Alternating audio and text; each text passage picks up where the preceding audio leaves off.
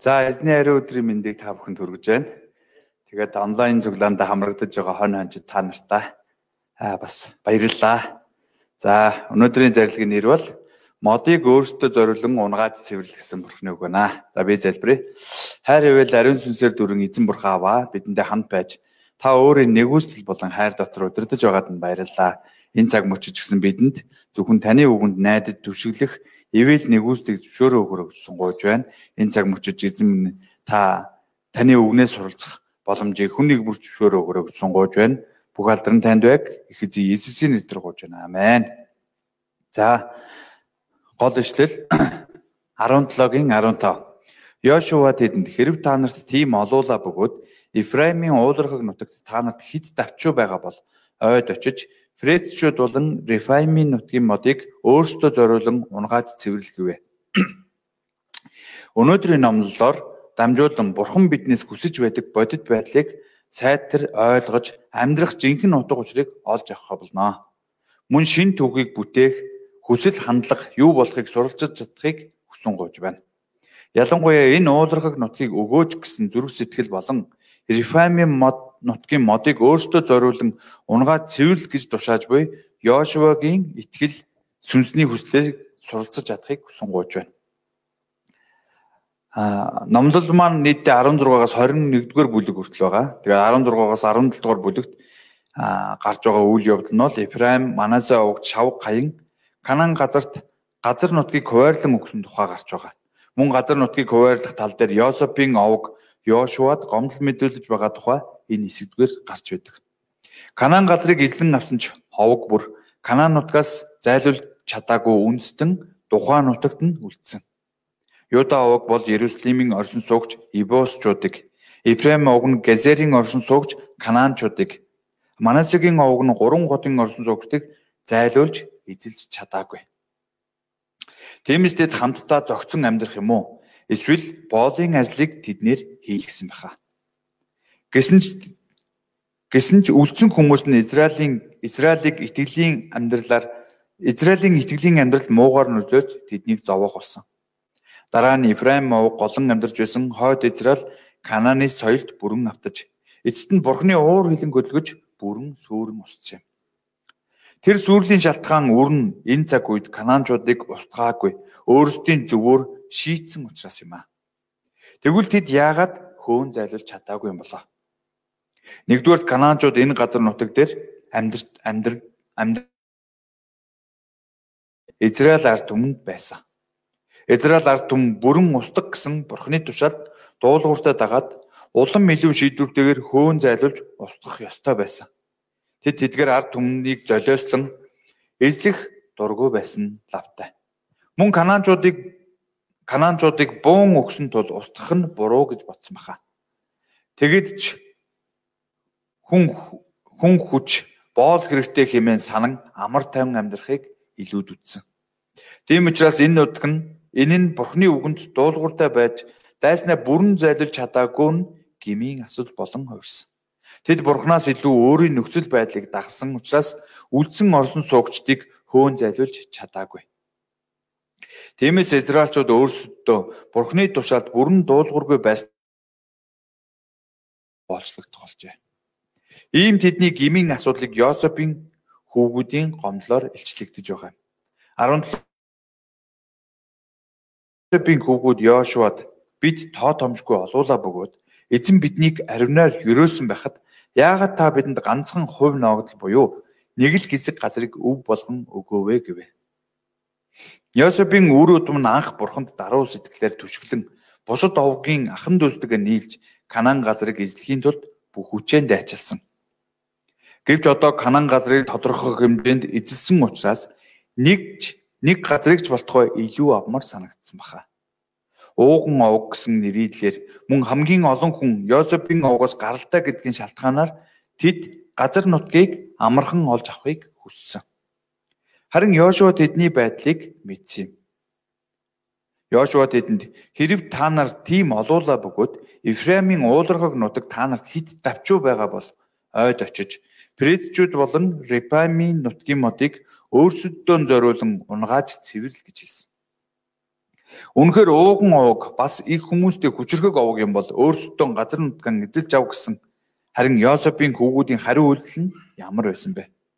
16 дугаар эшлэлийг үзээрэй. Йосепийн хүүгүүд уулархаг нутаг бидэнд хүрэлцээтэй биш гэсэн. Гэсэн ч тэр хүндий тал газар болон бид шаан ба түүнд суурангууд мөн Израилийн хүндийд амьдардаг бүх канаанчууд төмөрт хэрэгтэй юм байна гэв. гэж үү? Бидний төвшөнд хүрэхгүй. Тэгээд бүх хүмүүс нь төмөрт хэрэгтэй юм байна. Золиос гаргасан ч ашиг байхгүй гэх мэт шалтгаанаар энэ газрыг эзлэмээргүй байсан. Зүгээр л бидэнд газар өгөөч гэж байна. Өөрөөр хэлэх юм бол газар нутаггүй тэнүүлчин Египтээс зугтсан боолууд байсан. Харин одоо Канан газрыг эзэмших өв залгамжлагчд болсон байтал гомдлсоор л байх юм. Тэгээд удирдагчийн үгийг дуулуурдаа дагахгүй тайлбар шалтак тавьж байна. Йошуагийн хэлж байгаа унгааж цэвэрлэл гэдэг гэдэг нь энэ газрыг цоошнэр бүтээн бүгдийг эхнээс нь хийн өөрсдийн баялагийг бүтээх тухай л байсан. Тэд газар нутагтай болохыг хүссэн газар нут хүссэн учраас газар нутгийг гарган өгсөн. Харин одоо үн цэнтэй болох нь тэднээс л хамаарх юм. Үн цэнтэй нандин байх нь бидний сонголт хөлмөр золиосоос үргэлж хамаарх болно. Гэвч Йосепийн хөвгүүд газар нутгийг илүү авахыг хүссэн ч хөдөлмөрлөж золиос гаргахыг хүсээгүй. Бидний хувьд ч гэсэн Йосепийн хөвгүүд адил хандлага гарах үе бидэнд олонтой байдаг. Итгэлээр өсмөр байдаг ч дасгал авах дурггүй. Хамтран зүтгэгч хонцтод үргэлж гомдолж байдаг. Хонтой болмоор байна гэсэн атлаа фишинг хийж хондуудын хоноос явдаггүй, ярьдаггүй. Сүнслэг болмоор байгаа боловч өглөө өртлөн босдоггүй, залбирдаггүй. Библийг тогтмол уншдаггүй. Тэтгэлэг авахыг хүсдэг ч гэсэн хичээлээ хийх хиймээргүй байдаг. Хичээл хийх дургүй, синта ингвэл Тэгвэл зүгээр байна гэдэг хэрнээ өөрөө золиос гарган үүслэх дургүй болцгоосон байдаг. Йошуа дахин тэдэнд юу гэж хэлсэн бэ? 17 18 дугаар эшлэлийг үзээрэй. Харин Йошуа Йосепийн гэр болох Ефраим ба Манасе нарт зогсгүй. Ийм дуулархаг нут ёстой. Энэ нь ой модтойч гэсэн та нар түүнийг буулга. Канаанчууд төмөр дэрэгтэй хүчрхэгч гэлээ та нар тэднийг хөөн гаргаж чадна гэлээ. Нэгдүгээр ой модтой байсан ч буулга гэсэн. Шинээр ихлүүл буулга гэсэн үг нь англи библийг харуул cut down тайрах хайрч хайчилж авах гэсэн утгатай. Өөрөөр хэлэх юм бол модыг тайрч үндэслүүлж шин газар хагалж эзэмшээд амьдрах боломжтой газар болох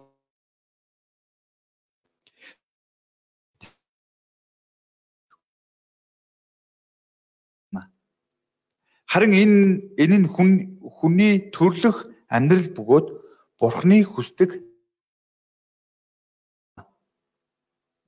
Бурхан газар тэнгэрийг бүтээгээд хүний бүтээсний дараа ийн айлцсан. Үржин онширцохог газар дэлхийг дүүргэж түүнийг эзэмшцгээг. Тиймээс шинээр ихлүүлнэ гэсэн зориг болон хөдөлмөрлөх ойлголтоо алдна гэдэг нь уг хүнд байх ёстой сүнслэг бодол оюун санаагаа алдсантай адил зүйл болох учраас юм аа. Хүнд байх ёстой тэр зүйлээ алдвал залхуурал болон назгаарл давтан баг багаараа өхмөл сүнстэй болох болно. Болдгоо. Дахиад дахиад л урагшлах ёстой газар их байна гэсэн номд сэтгэл мэдрэлийн эмч доктор Скот Пек хэлэхдээ амьдрал бол зовлон гэвч энэ энгийн үннийг хүлээн зөвшөөрч тэр зовлонтой нүүр тулан шийдэх гэж хичээх үед амьдрал зовлон биш болдог гэжээ. Бид эцэг эхээс салаад биетэн амьдрах үед мөнгөний үнц нь дулаан байр, идэх хоол, өмсөх хувцсны талаарх ойлголтоо шинээр олж авдаг. Урд нь байж л байдаг байсан зүйл газраас ургаад гараад ирдгүү бодит үнэн. Өөрийн хүчээр хөдөлмөрж олсон ямар ч холцгүй талах хүртэл амттай байдгийг бид хөдөлмөрлөн ядарч туйлдан хүчээж авах үед анх мэддэг. Бидний амьдрал бол улаан сарнаа цэцгийн хүлэмж биш. Харин бидний амьдрал шинээр эхлүүлж босгон байгуулж эзэмших ёстой ай мод юм аа ой мод хэмээн хүлээн зөвшөөрч хөлсөө туслуулан эзэмшихийн тулд хичээх тусам улам хүчтэй болж сонирхолтой болдог. Тэгэх үед тэгэх үйл явцад асуудал шийдэгдэж итгэл суран сүнсний хүчтэй болцоодог. Бид Библийг судлал хандах хандлага өөрчлснөөр ямар үн цэнтэй чухал болохыг ойлгон улам хичээнгүй болцгоодог. Одоо цагт хүмүүсийн дийлийнх нь зүгээр л байж байгаад хялбар аргаар мөнгө олохыг илүү л үзэх болсон байна. Харин хаа нэг газар байгаа цэцгийн хүлэмжийг эрен хааж төөрүүл амьдрал энэ нийгэм ямар муухай юм бэ гэж гомдлож эхэлдэг. Улмаар зугаа цэнгэл дэлхийд нүдэнд харагдах зүйлсэд автан намаг руу унахулдаг. Йошуа өшөө илүү өрөөлийг авахыг хүсэн Йособын хөвгүүдэд тэр өрөөлийг олж олж авах арга нь юу болохыг заан өгсөн. Йошуа хэлсэн зүйл нь энгийн боловч бидний марчхаад байдаг бодит байдал юм. Гагцгүй бидний хийж байгаа зүйлс нь Бурхны удирдлага таалал байх нь чухал юм аа. Хоёрдугаарт та нар ийм хүчрхэг бас олуулаа. Та нар хүчрхэг гэдэг нь их багыг илэрхийлж байгаа боловч мөн чанар чансаагч мөн хүчрхэг гэж бас хэлж байна. Өөрөөр хэлэх юм бол агуу гайхамшигтай гэсэн утгатай. Тэдэнд яг одоо өгөгдөж буй ерөөл нь баг биш байсан. Харин шинээр эхлүүлж эзэмших сэтгэлгээ алдах үед тэр бурхны ерөөлийг хараагүй. Иймээс тэд саяхан том үндэстэн хэмээн сархаж байсан атал одоо төмөр дэрэгтэй дайснуудаас айнж чирж байна. Харин ийм тэдэнд Йошуа бурхны агуу ерөөл байгааг сануулж өгсөн юм аа. Ямар хүчрхэг бас олуула агуу үр удам болохыг дахин сануулж өгч байна. Харин энэ ивэл талархан ой модтой газрыг эзлэх үед Канаанчууд төмөр дэрэгтэй хүчрхэгч гэлээ. Та нар тэднийг хөөн гаргаж чадна гэлээ. Тэдэнд итгэл зоригийн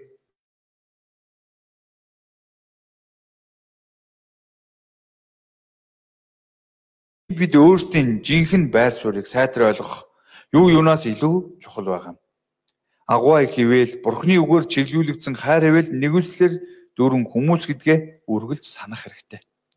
Өөрийгөө хинтээ ч харьцуулдаггүй.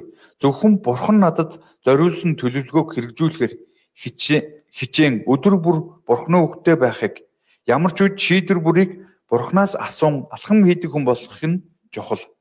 Өнөө үед тулгараад байгаа дотоод гадаад бэрхшээлийн өмнө бидний хандах хандлага бол ой модтойч байсан шинээр эзэлж эзэмшнэ гэсэн зориг итгэл хандлага юм. Энэ уулархаг нутгийг надад өгөөч гэсэн халуун зүрх сэтгэл хүсэлтэй байж боддоор их сургууль руу гарan хөлсөөрсөн золиос зориулал гарган үйлчлэн хөлмөрөх хөдөлмөрлөх явдал юм аа. Бидний итгэгч болсон шалтгаан бол золиос гарган миний араас явж байсан хонжны үр дүн гэлээ.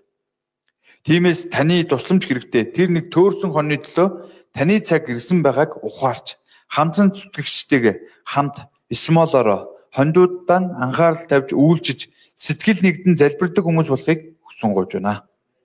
Бид сэтгэл нэгдэн залбирэн бурханд бүрэн түшглэх үед ой модтой газрыг ч эзэлж үржил шинтэй газар болгож чадна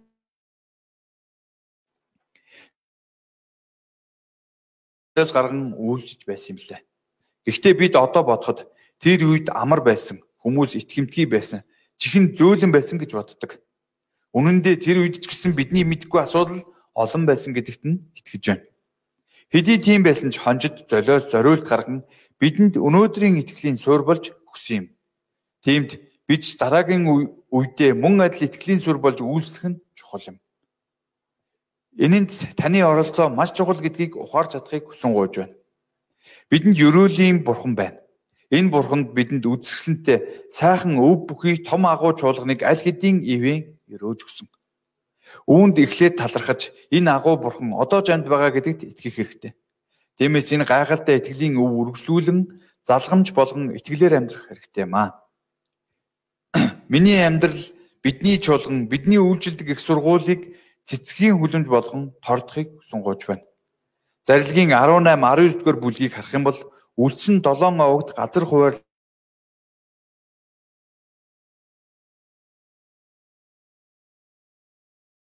дотроос дотроос Израилийн итгэлийн амьдрал шаардлагатай тогтолцооны нэг болох хорогдох хот дахил өргөх тогтолцоог хариуцсан авч буй левичүүдийн эзэмшлийн хотуудын тухай тодорхой гарч өгч байна.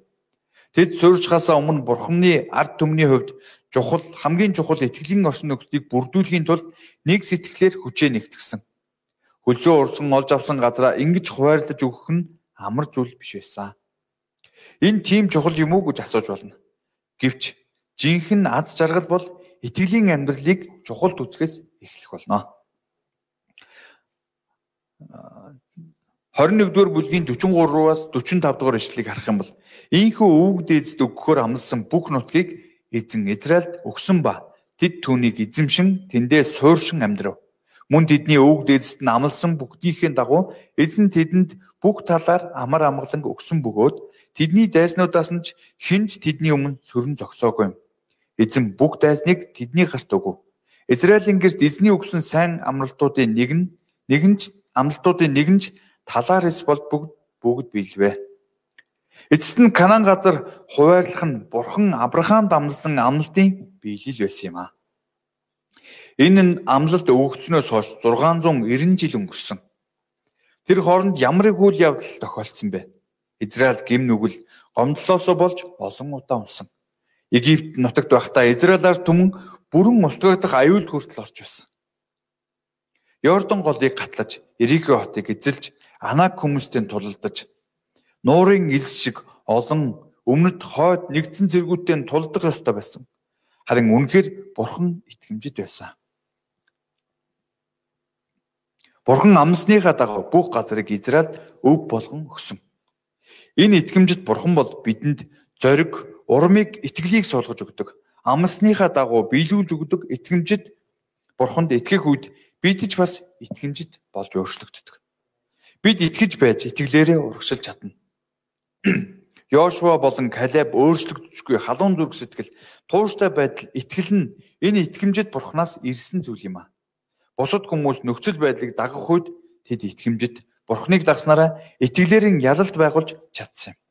Бид ч гэсэн итгэмжит бурхныг бүрэн дагаж түүн түшгэлснээр хүчээ сорж чадахыг хүсэн гойж байна. Энэ уулархаг нутгийг надад өгөөч. Хэмээн залбирч ой модтой газар байсан ч эзэмшиж шинээр үржил шинтэй газар болгон амьдрахыг хүсэн гооч байна. Тэгснэр итгэмжит бурхантай уулзаж чадахыг хүсэн гооч байна. Миний хувьд өөрийгөө өөрийгөө өөрийн хувийн амьдрал асуудлуудын өмнө үргэлж амьдрдгаа мэдэж авсан. Уг нь агуу их өрөөл нэгүслийг хүлээн авсан ч тэр өрөөлийг харж чадахгүй сохор болсон байна. Баян аавтай ядуу хүн Итгэлээр сул байгаагаа зарлиг бэлдгүүл олж харлаа. Өнөөдрийн энэ байдлаа ухаан сурсан ч өөрчлөгдөж чадахгүй бол харамсалтай тэнэг хүн болох тул Бурхны дотор цаг үргэлж хижээнгүлэн өөрийгөө зориулсан тэмцэх тэмцэлдээ амьдрах урам зориг дүүрэн хүлээн авлаа. Мөн өдийг хүртэл идвэхгүй сул дорой байсандаа гимшиж байна. Та та хэд манч хэрв над шиг байгаагаа мэдвэл бурханд хараагаа чиглүүлэн Бурхан бидэнд сойргосон хайр ивэл хүч чадлаар сайтар тунгаан өдөр бүр Бурханы хүч хайр ивэл рүү ирж чадахыг хүсэн гоож байна. Зөвхөн таны хийж чадах үйлчлэл залбирал золиос байгаа. Тиймээс та нар та нар итгэлээр тэмцэн ялал байгуулдаг амьдралаар амьдрахыг хүсэн өрөөж байна. За би гоё. Эзэн бурхаава бидэндээ хамт байж эзэн таны үгнээс суралцаж бас энэ газрыг гэсэн үнгээр эзэн таны үгээр эзлэн чадхад ариун сүсээр удирдах өгөөрэй. Мөн ганаанчуудыг гэсэн бүрэн устдаг гэсэн эзний тушаалын дагууж гэсэн өөрийнхөө амьдралд байгаа гим нүгэл нэг бүрийг устган зайлуулж чадхад удирдах өгөөч гэж сунгууж байна. Үнэхээр эзэн амлалтандаа хүрдэг үлээ. Бид ч гэсэн энэ бурханд итгэснээр бид бид ч бас итгэмжид амлалтандаа хүрдэг хүн болон өөрсдөгтөд удирдах өгөөрэй гэж сунгууж байна. Энэ цагт хончдтой минь хамт байж ариун сүсээр удирдах ивэж өгөөрэй. Чуулган маань ч гэсэн эзэн бурханд итгэмжтэй үнэхээр гайхамшигтай тэр чуулган болон өөрсдөгтөд нь ариун сүсээр ивэж өгөөрэй. Бүх зүйлийг эзэн танд даатгаж байна. Иесусийн нэрээр гуйлаа. Амен.